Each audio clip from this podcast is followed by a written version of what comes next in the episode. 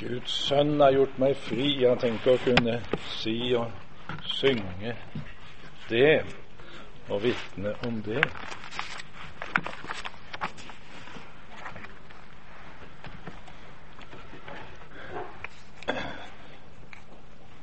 Det ble sagt at uh, man tenkte jeg kunne samle trådene i uh, den avsluttende bibeltimen. Det er det visst ingen som har sagt til meg før at det var sånn ment. Jeg la jo merke til at det var stevnets tema, men jeg tenkte at det på en måte skulle da gå videre kanskje med en særlig vekt på dette som vi òg forlater våre skyldnere. Men la oss nå be.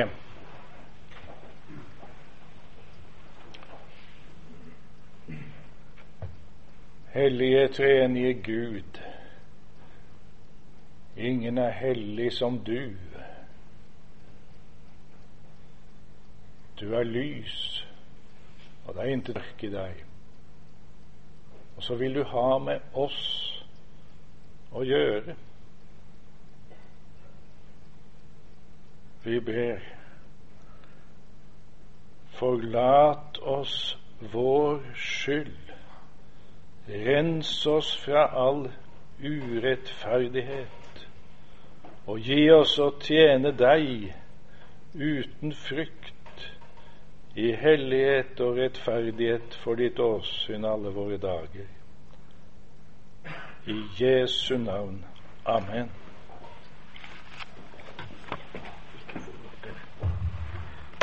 Det er forbindelse i den. Var det lite lyd? Det var lite lyd, så den er nok litt lav i forhold til din høyde. Vi kan jo ikke heve den. Hørt, hør, hør, hørte dere dårlig bak?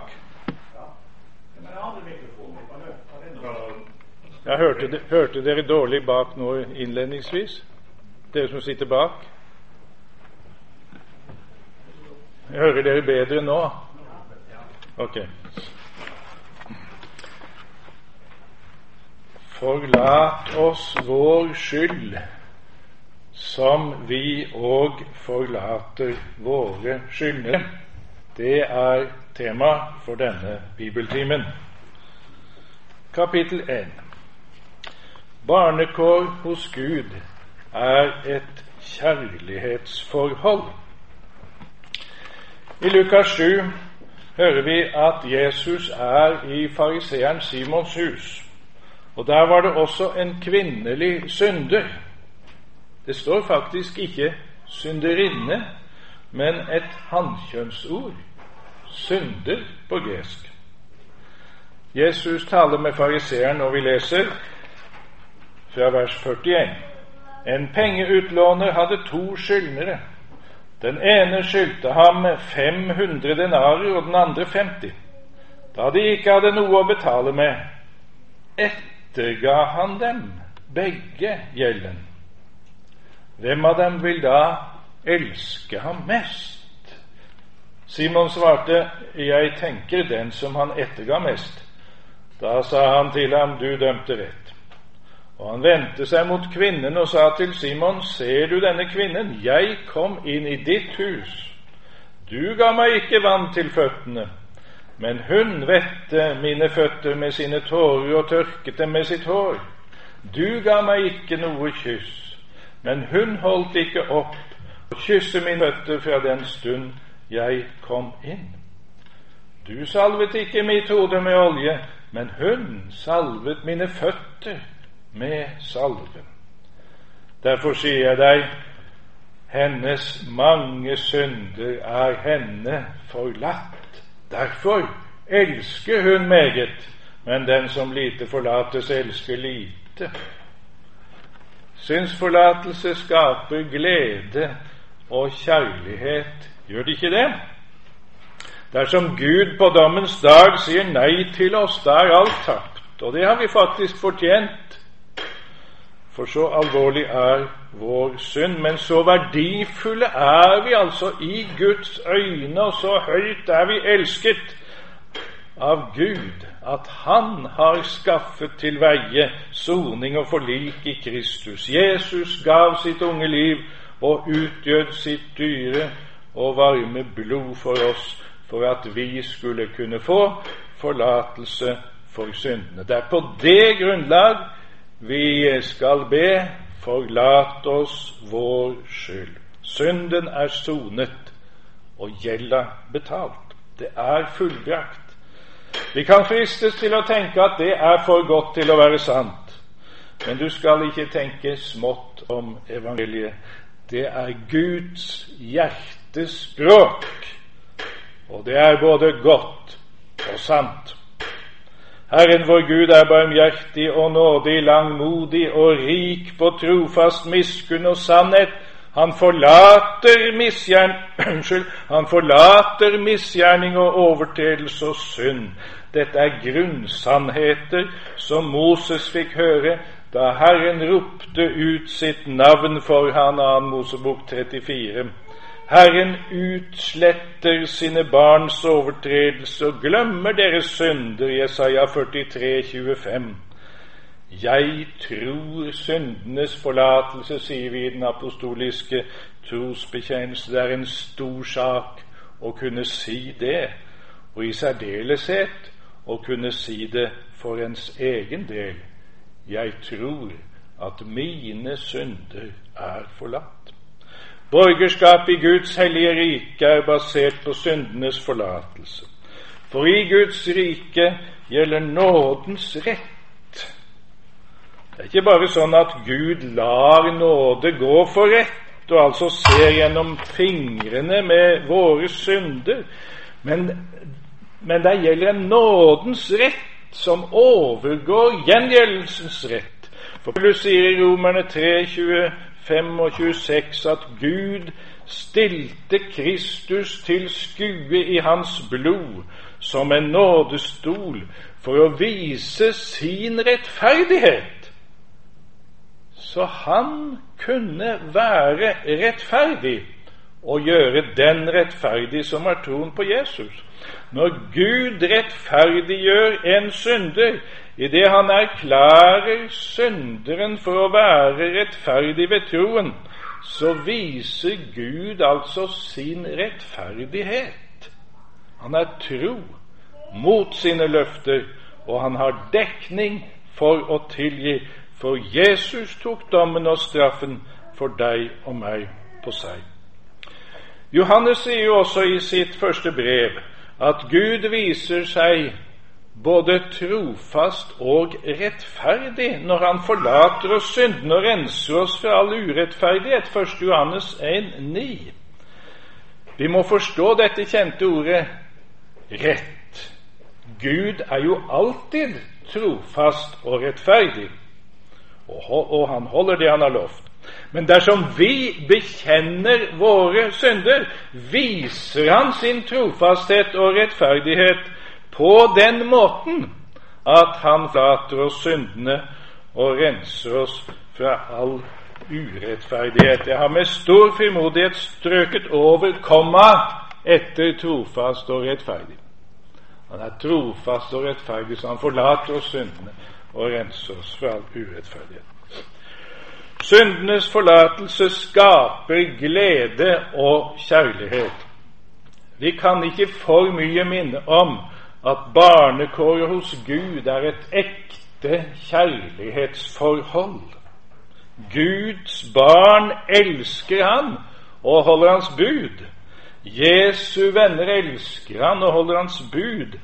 Da er du kommet inn i denne gode sirkel av kjærlighet, der du svarer på Guds kjærlighet med å elske ham igjen. Kapittel 2. Femte bønn i Fader vår. Forlat oss vår skyld, som vi òg forlater våre skyldnere. Matteus 6,12. Denne bønnen er sommerstevnets tema. Det handler om Guds tilgivelse og vår. Fader vår er en bønn Jesus lærte sine disipler å be, og det er en daglig bønn.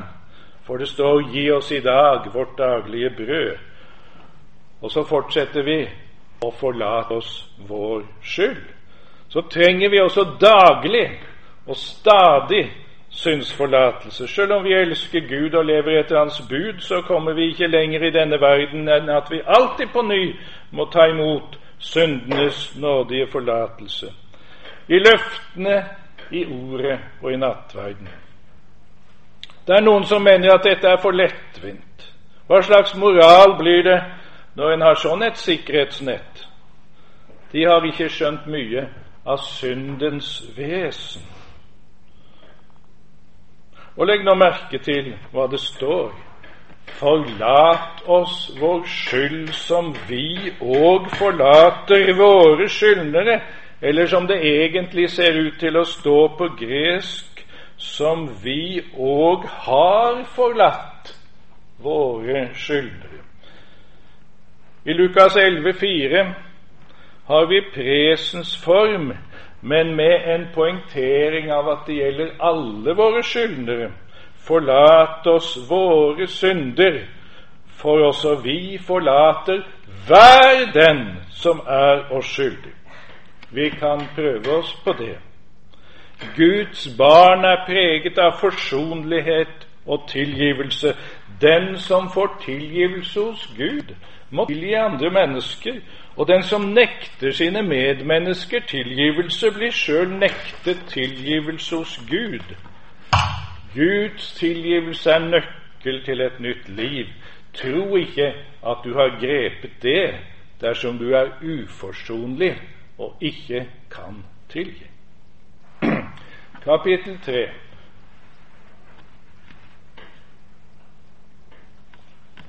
Sletting av gjeld. Femte bønn i Fader vår bruker egentlig billedspråk fra formueretten.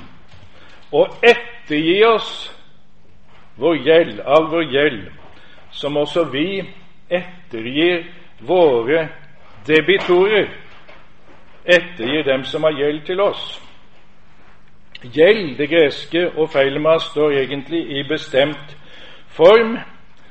Flertall, tap og feilemata. Altså ber vi om at alle våre gjeldsposter blir slettet. All vår gjeld ettergitt. Ettergi oss det vi skylder, som også vi ettergir, eller har ettergitt, dem som skylder oss noe. Sletting av gjeld er i gitte situasjoner svært viktig. Vi hører hvordan Hellas strever med sin statsgjeld. Det internasjonale pengefondet laga i 2010 et krisefond for å hjelpe land etter katastrofer, bl.a. med gjeldssletting. For tida drives en kampanje for at det jordskjelvrammede Nepal skal få gjeldsslette. Og For familier og enkeltmennesker kan det bli krise dersom en ikke kan betale sin gjeld. I 2. kongebok kapittel 4 hører vi om en fattig enke med to sønner som en kreditor kunne komme til å ta som gjeldsslaver. Kvinna klager til profeten Elisa, og ved et under så får hun midler til å betale gjelden og enda penger til å leve for. Urimelige sosiale forskjeller er ikke til behag for Gud. De fattige ligger ham på hjertet, og i den gamle pakt var israelittene forplikta til å slette gjeld i sabbatsåret hvert sjuende år. Femte Mosebok kapittel 15 taler om lån, gjeld og ettergivelse. Hvert sjuende år skulle all gjeld israelitter imellom ettergis, og det skulle skje til ære for Herren. En skulle låne til fattige uten tanke på om sabbatsåret nærma seg, og da ville Herren velsigne en. En tilsvarende sterk sosialetisk impuls finner vi i Nehemia kapittel 5. På 400-tallet før vår tidsregning kom Nehemia til Jerusalem for å gjenoppbygge byen. Men det er kornmangel og hungersnød, pengemangel, pantsettelser og gjeldskrise blant jødene.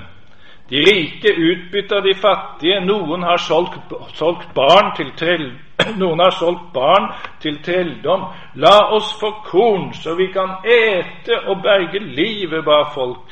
La oss få korn til å stille vår hunger. Og Nehemja går i rette med de rike og oppfordrer til å slette gjelda. Også han sjøl har lånt fattigfolk penger og korn, og han sier, la oss ettergi denne gjeld Gi dem deres marker, vingårder, oljehager og hus tilbake, og ettergi dem rentene. Folk hadde nemlig også tatt rente, og Nehemja fikk det som han ville. Jeg tar også med et eh, trekk fra Paulus brev til Filemon. Paulus sendte den omvendte slaven Onesimus tilbake til Filemon som en bror. Og så skriver han så sant du derfor akter meg for din medbror, så ta imot ham, altså Onesimus, som meg selv. Og har han gjort deg noen urett, eller skylder han deg noe, da skriv det på min regning. Vers 17 og 18. Paulus var altså villig til å ta ansvar for en annens gjeld. Et eksempel til etterfølgelse. Og så over til vårt egentlige tema, kapittel fire. Synd setter i skyld. Den som blir tilgitt av Gud, må tilgi sin neste. Den som blir tilgitt av Gud, må tilgi sin neste. Jesus bruker gjeldsbegrepet billedlig om synd, som nemlig medfører skyld. Vi hørte lignelsen om de to debitorene i Lukas 7. Vi ser den billedlige bruken av gjeldsbegrepet også i spørsmålet om de 18 som tårnet i Siloa falt over og drepte, om de var debitorer framfor andre. Lukas 13, 4. Og det er parallelt med spørsmålet i vers 2 om de galileerne hvis blod Pilatus blandet med deres offer, om de var syndere framfor andre. Vi ser den billedlige bruken av gjeldsbegrepet også i lignelsen om eh, tjeneren som var en 10 000 talenters debitor. Matteus 18, 24 og medtjeneren som eh, skyldte han igjen 100 denarer, vers 28. Spørsmålet er betaling eller miskunn. Og når Jesus i Matteus 6 kommenterer femte bønn i Fader vår, så taler han om å forlate overtredelser. Det er saken, sjøl om det også er noe å lære av bildet. Og i parallellen i Lukas 11,4 står det 'forlat oss våre synder. Forlat oss våre synder. Vår syndtalent avskrives, stryk all restansen ut, synger Petter Dass. Nå, en talent er mye, men eh, kanskje ikke ubetalelig.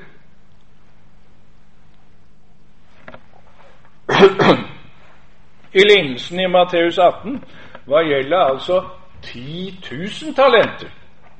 Det var en bunnløs gjeld, og det er viktig. Om du tar utgangspunkt i at en talent er 6000 denarer, så var 10 000 talenter nok til å lønne 2000 arbeidere i 100 år.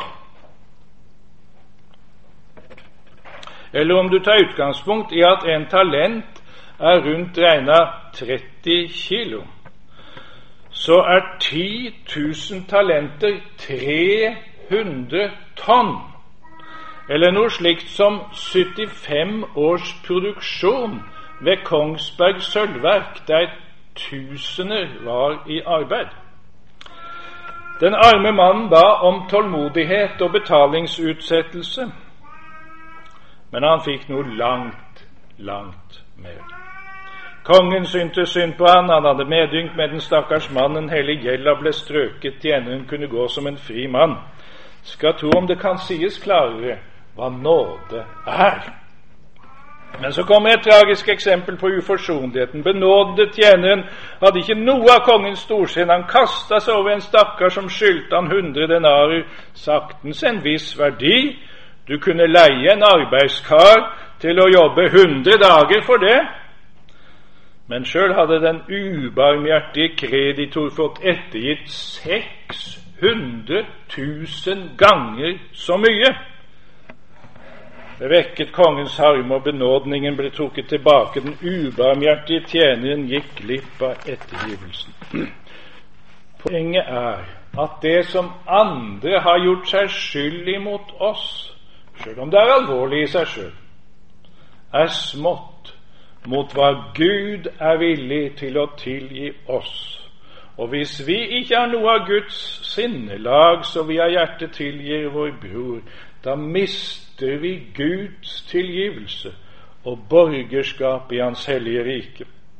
Den som får tilgivelse hos Gud, må gi tilgivelse til andre mennesker, og den som nekter sine medmennesker tilgivelse, blir sjøl nektet tilgivelse hos Gud. Jesus fortalte dette for å advare og for å formane til oppriktig forsonlighet da Peter spurte om han skulle tilgi sin bror sju ganger. Ikke sju, 70 ganger 7, sa Jesus. Det er ikke alltid lett. Trangen til hevn stikker dypt i vår syndige natur.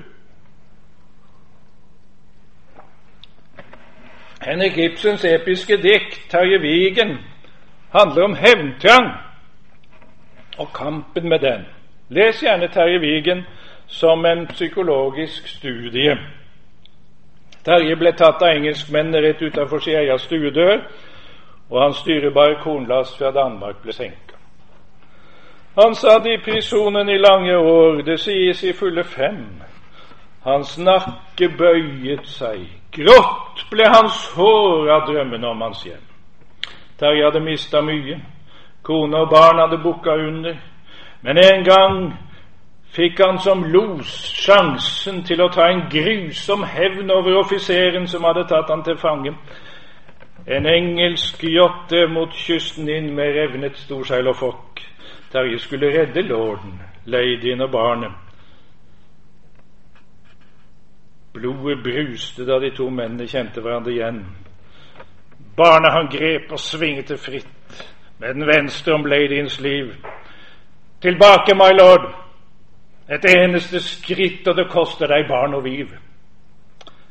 Da sprang sto briten til kamp på ny, men armen var vek og matt. Hans ånde brente, hans øyne var sky, og hans hår, så kjentes ved første gry, ble grått i den eneste natt. Men Terjes panne var klarhet og fred, hans bringe gikk fritt og stilt. Der bødig løftet han barnet ned og kysset dets hender mildt. Han åndet som løst fra et fengselshvelv. Hans stemme lød rolig og jevn. Nu er Terje Vigen igjen seg selv. Inntil nu gikk mitt blod som en stenet elv for jeg måtte, jeg måtte ha hevn. Vi forstår Terjes sterke og undertrykte følelser, og det endte i forsoning, men den satt langt inne. Trangen til hevn er vel også en drivkraft bak dødsstraffen i USA. Noe helt annet leser vi fra Sør-Carolina. 17. juni ble ni mennesker drept i en afroamerikansk metodistkirke. En 21 år gammel mann har tilstått at han skjøt og drepte dem. Fengslingsmøtet bar preg av etterlatte som talte til gjerningsmannen om tilgivelse. Gud tilgir deg, og jeg tilgir deg, sa ei som hadde mista sin mor i blodbadet. Vi har ikke plass til hat vi må tilgi seg som hadde mista søster. Jeg tilgir deg, familien min tilgir deg. Men bruk sjansen til å omvende deg, sa en slektning til en av de drepte. Det kan virke overmenneskelig, men Jesus ber oss om å elske våre fiender. I eh, det såkalte apokryfiske skriftet Siraks bok, kapittel 28, stilles hevn og tilgivelse opp mot hverandre. Den som hevner seg, skal møte hevn fra Herren, og han skal sikkert gjemme hans synder. Tilgi de neste den urett han har gjort. Da skal også dine synder bli forlatt når du ber. Et menneske gjemmer på vrede mot et annet menneske, og dog søker han legedom fra Herren. Mot et menneske sin like har han ingen barmhjertighet. Og dog ber han for sine egne synder. Han som selv er kjød, holder fast på sin vrede. Hvem skal da sone for hans synder? Kom enden i hu og hold opp og nære fiendskap. Kom undergang og død i hu, og bli i budene, kom budene i hu, og vredes ikke mer på din neste. Kom den høyestes pakt i hu, og overse andres feiltrinn. Forlat, så skal det forlates dere, sier Jesus i sletteprekenen Lukas 6, 37. Den populære bønnen som tilskrives Frans av Assisi, reflekterer nok en lesning både av evangeliene og av Sirak 28. I norsk versjon av fransbønnen, som jeg alltid har reagert på, så høres det ut som et årsak-virkning-forhold, der årsaken er at vi tilgir. Det er ved å tilgi andre at man får tilgivelse. Men stemmer det? Originalen er ikke slik. Originalen til fransbønnen ja, den er egentlig av en anonym forfatter, og den ble offentliggjort i et blad med den eh, eiendommelige utgivelsesdatoen 12. i 12. dvs. Si 12. desember 1912. Originalen har seta pardona con et pardonné. Seta pardona con et pardonné. Det er når en tilgir. Når en tilgir. A pardona. At en blir tilgitt. Kapittel 5. Det er en familielikhet i Guds familie.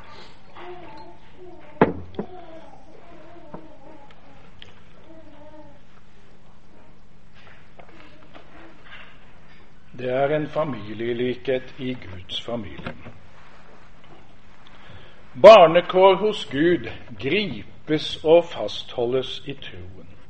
Troen som griper om Guds løfter. Det er en stor sak og en høy åndelig kunst å vite at dine synder er forlatt. Det er troens kunst. Og Nå har Jesus gitt oss et tegn på om eh, vi kan tro og vite at det er slik. For dersom dere forlater menneskene deres overtredelser, da skal deres himmelske Far også forlate dere. Men dersom dere ikke forlater menneskene deres overtredelser, da skal heller ikke deres far forlate deres overtredelser, sier han i Matteus 6, 14 og 15. Guds barn må ligne sin himmelske far. Når Gud er forsonet, må også vi være forsonlige og villige til å, til, villige til å tilgi. Luther sier det slik i Store katekisme Hvis ikke du tilgir, så må du aldri tenke at Gud tilgir deg. Men hvis du tilgir, så har du den trøst og visshet at du har tilgivelse i himmelen. Det betyr ikke at å tilgi sin neste er noe som gjør en fortjent til Guds tilgivelse. Guds veldige tilgivelse er ufortjent. Men å gi tilgivelse er en frukt av å få tilgivelse. Vi kan si at det er et vitnesbyrd et tegn og en nødvendig følge. Luther legger vekt på at vår tilgivelse skal være et tegn til forsikring på at vi har Guds tilgivelse. Et tegn til styrke og glede for samvittigheten.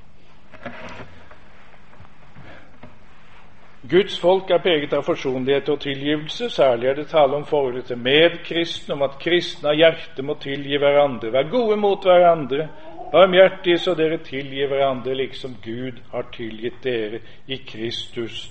Efeserne 5,32. Men i broderkjærligheten skal det være kjærlighet til alle. Oldkirken la vind på fred og enighet, oppgjør og forlik. I den gamle kirkeordningen fra ca. år 100 pluss minus, som teologene kaller didaché, så heter det i menigheten skal du bekjenne dine synder, og du skal ikke gå til din bønn med dårlig samvittighet. Kapittel 4.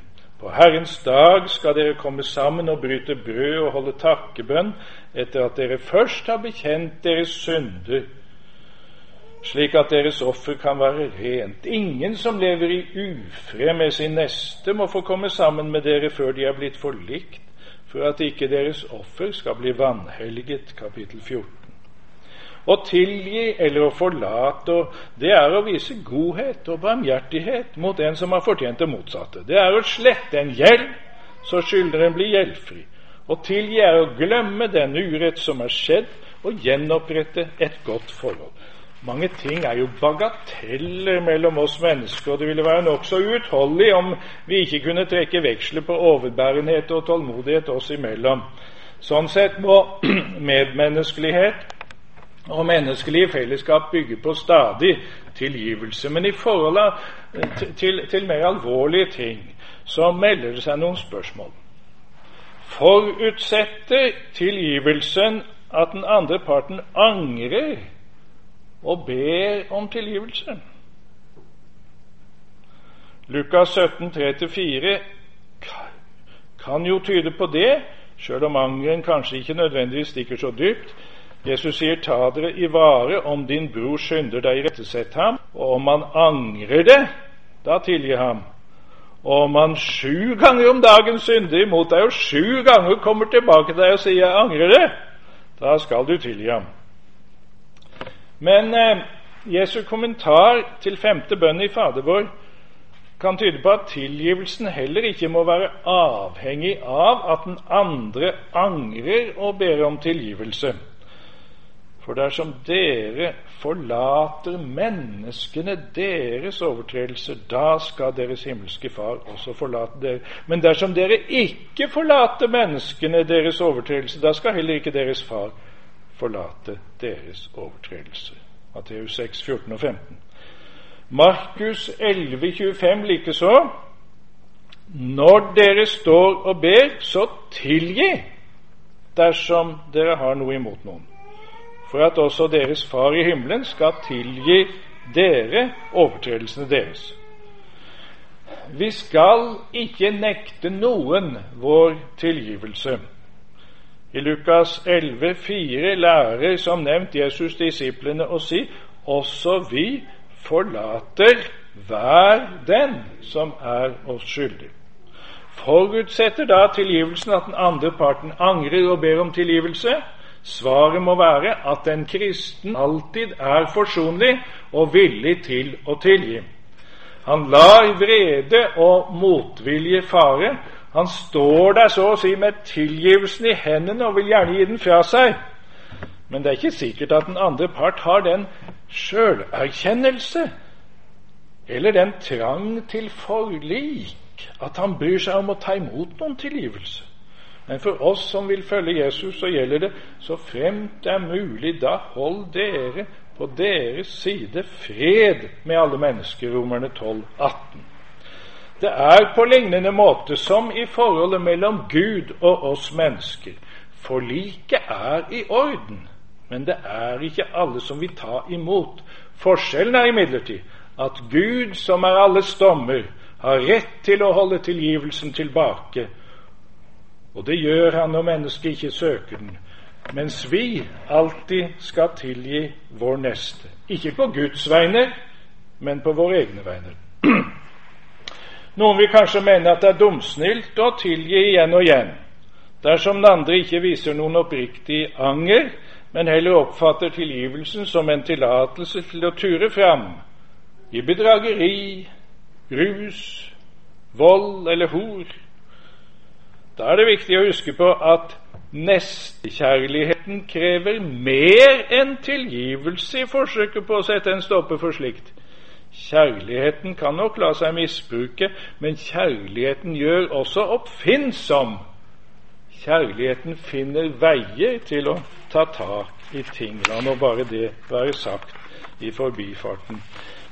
I vår tid er tilgivelse gjenstand for eh, drøfting og studium ikke bare i teologien, men også i filosofi, psykologi og medisin. Det er bred enighet om at tilgivelsen gjør noe positivt både med den som tilgir, og den som blir tilgitt. Tilgivelse har helbredende virkning. Men kan en bare bestemme seg for å tilgi? Kan en ikke være såret så djupt at det er umulig? Forskerne har vel rett i at en kan lære å tilgi psykologisk sett. Skritt for skritt kan en nok gi slipp på vonde følelser og begynne å se på den som har gjort urett, med en viss forståelse. Men når Jesus taler om å tilgi av hjertet, så forutsetter han også at hjertene er nye.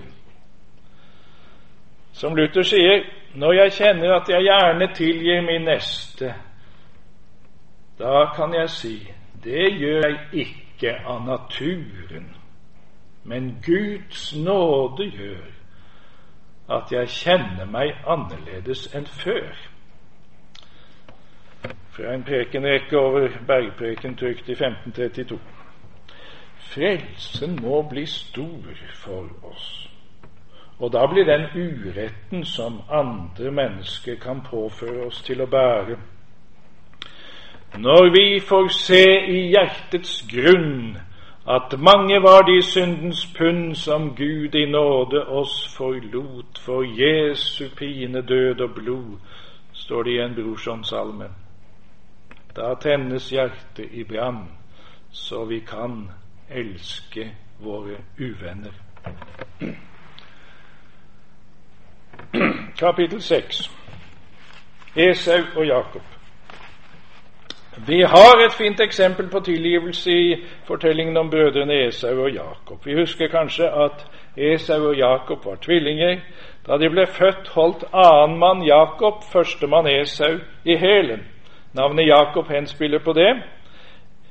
I et svakt øyeblikk lot Esau seg frariste førstefødselsretten for en rett linsevelling. Og seinere lurte Jakob seg også til farens velsignelse ved å lyve for den blinde Isak og utgi seg for Esau.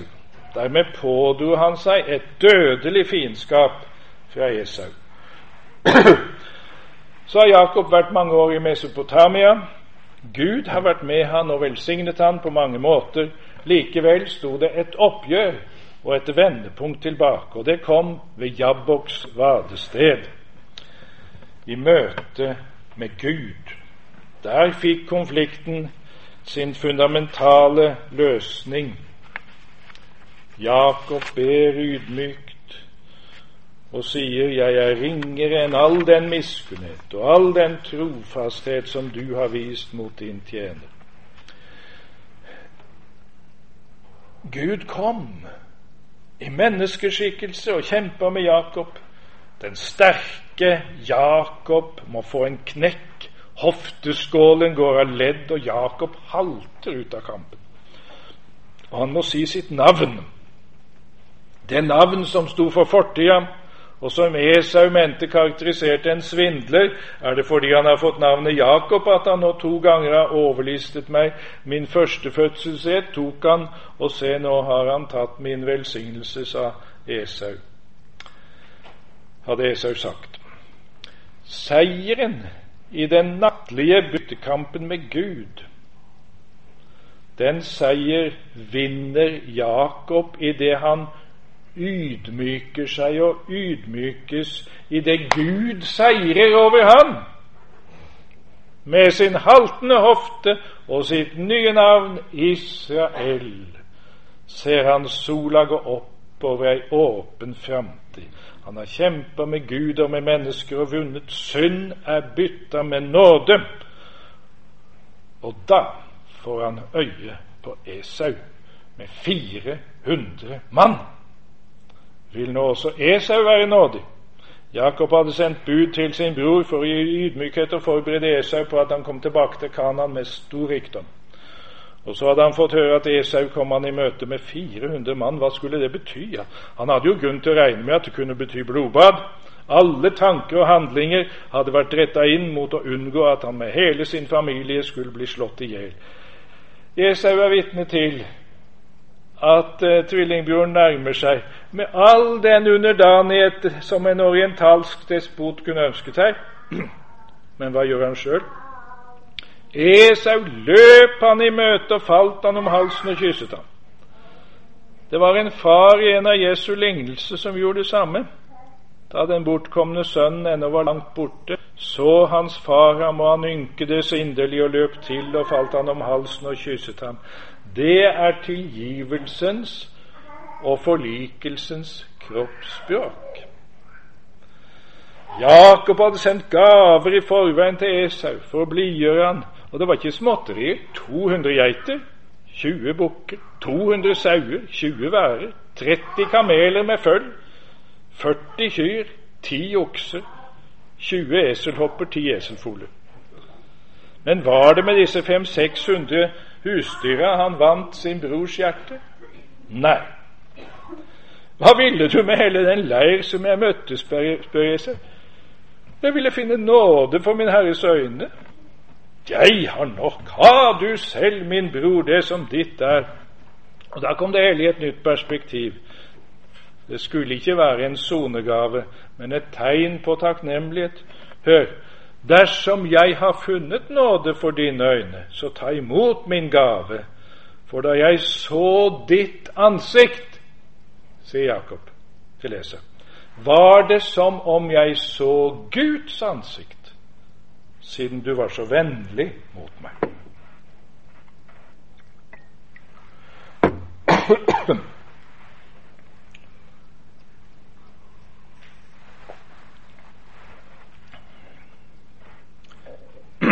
Pniel kalte Jakob stedet der han hadde kjempet med Gud. Pniel betyr Guds åsyn. Og Jakob sa, Jeg har sett Gud åsyn til åsyn og enda berget liv. Tenk, her er det en som har sett Gud, åsyn til åsyn. Vi kunne vel ha lyst til å spørre Jakob hvordan så Gud ut da han viste seg for deg ved Jabboks vadested. Og så har Jakob på en måte, kan vi si, svart på dette. Da han kort etter møtte Esau, fikk han erfare at forholdet til broren var blitt et nytt det ble et hjertelig møte, et gledelig gjensyn i forsoningens tegn, og Jakob sa, da jeg så ditt ansikt, var det som om jeg så Guds ansikt, siden du var så vennlig mot meg. Tenk, det sa en mann som like før hadde sett Gud åsyn til åsyn.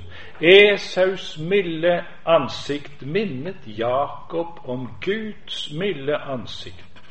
Jakob hadde fått møte Gud som tilgivelsens Gud, som frelsens Gud, og nå fikk han også oppleve at Esau tilga. Esau har noe å lære oss. Ingen gammel urett skulle fortsette å ødelegge forholdet. Brorskap og medmenneskelighet var mye viktigere for Esau enn arv og eiendom. Esau hadde lært å være tilfreds med det han fikk. Han hadde lært å tilgi. Esaus vennlige ansikt minner Jakob om Guds ansikt. Og en kristen skulle jo gjenspeile Guds kjærlighet og miskunn. Paulus skriver vi som med utildekket åsyn skuer Herrens herlighet som i et speil. Vi blir alle forvandlet til det samme bildet, fra herlighet til herlighet, som av Herrens ånd. 2. Korinter 3, 18.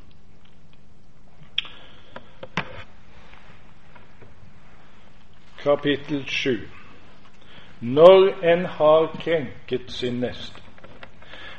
Også Jakob har noe å lære oss.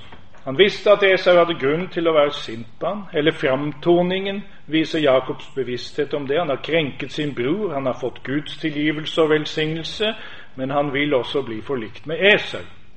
Jesus sier i bergprekenen om du da bærer fram ditt offer til alteret, og der kommer i hu at din bror har noe mot deg, la da ditt offer ligge der foran alteret, og gå først bort og lik deg med din bror, og kom så og bær fram ditt offer. Skynd deg å være føyelig overfor din motstander så lenge du er med ham på veien, for at ikke motstanderen skal overgi deg til dommeren, og dommeren overgi deg til tjeneren, og du blir kastet i fengsel.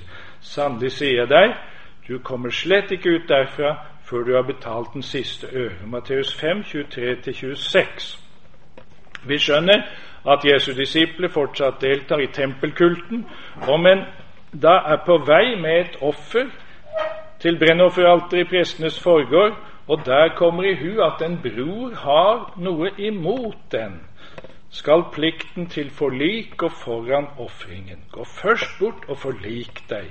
Billedbruken handler med en motstander som en går sammen med på veien, handler jo om en gjeldssak med parter, en kreditor, en debitor. Det er en dommer, det er en justisbetjent, her er et gjeldsfengsel. Vandringen til dommeren er den felles vandring gjennom livet før dommedag. En skal skynde seg å være velvillig, føyelig mot sin motpart som en har krenket. Forlik med Gud og forlik med mennesker hører sammen. Sakkeus er et eksempel for oss. Lukas 19. Se hvor glad Sakkeus blir fordi Jesus vil ha fellesskap med ham. Se for en forandring det blir i Sakkeus liv. Omvendelsen fører til oppgjør og ny vandel. Slik som Gud taler om i Esekiel 33, 14-16. Når jeg sier til den ugudelige, du skal visselig dø, og han vender om fra sin synd og gjør rett og rettferdighet, så han, den ugudelige, gir pant tilbake, godtgjør det han har røvet, følger livets bud, så han ikke gjør urett. Da skal han visselig leve. Han skal ikke dø. Ingen av de synder som han har gjort, skal tilregnes ham. Rett og rettferdighet har han gjort. Han skal visselig leve. Halvdelen av det jeg eier, gir jeg til de fattige, og har jeg presset penger ut av noen, gir jeg det firedobbelt igjen, sa Sakkeus. Etter tredje Mosebok fem skulle ulovlig besittelse tilbakebetales med tillegg av en femtedel. Strengere bestemmelse gjaldt imidlertid dersom det var okser eller sauer som var slaktet eller solgt til tredjemann, av Mosebok 22. Fire sauer for en sau, det er nivået Sakkeus legger seg på, sjøl om han ikke hadde plikt til mer enn 120% av verdien i sitt tilfelle. Men med moderne inflasjon så kan jo gamle underslag fort komme opp i det flerdobbelt. Kapittel 8 avslutning. Guds tilgivelse er basis for borgerskap i Guds rike. All synd er krenkelse av Gud. Synd mot nesten er synd mot Gud, som har skapt min neste, elsker min neste og stiller seg bak min neste med sine bud. Det er egentlig Gud som krever at jeg skal gjøre rett mot min neste. Ja, han sier at jeg skal elske min neste som meg sjøl. Hvis vi aner hvor avskyelig all synd er, så aner vi også hva Gud så gjerne tilgir oss på grunn av Jesu lidelse og død, og da blir det mellomværende vi måtte ha med vår neste, håndterlig, gjør det ikke det? Er det at jeg tilgir min neste, et tegn på at Gud tilgir meg? Må jeg ikke da være ivrig etter å søke forlik og tilgi? Å unnskylde og forstå og ta ting i beste mening. Og har jeg gjort min neste urett, må ikke Guds tilgivelse da drive meg til også å gjøre opp med min neste. Luther taler i denne forbindelse om kjærlighetens skriftemål. Det vil si at vi bekjenner overfor hverandre og tilgir hverandre. Det er forskjell på å bite i seg og å tilgi. Et tilgivende sinn er tegn på en sann tro og kristen kjærlighet. Jesus lærer oss at troen må bære den frukt at den forlater menneskene deres overtredelse og av hjertet tilgir sin bror. Den som får tilgivelse hos Gud, må gi tilgivelse til andre mennesker. Og den som nekter sine medmennesker tilgivelse, blir sjøl nekta tilgivelse hos Gud. Det er alvor. Det er alvor når vi skulle prøve oss sjøl.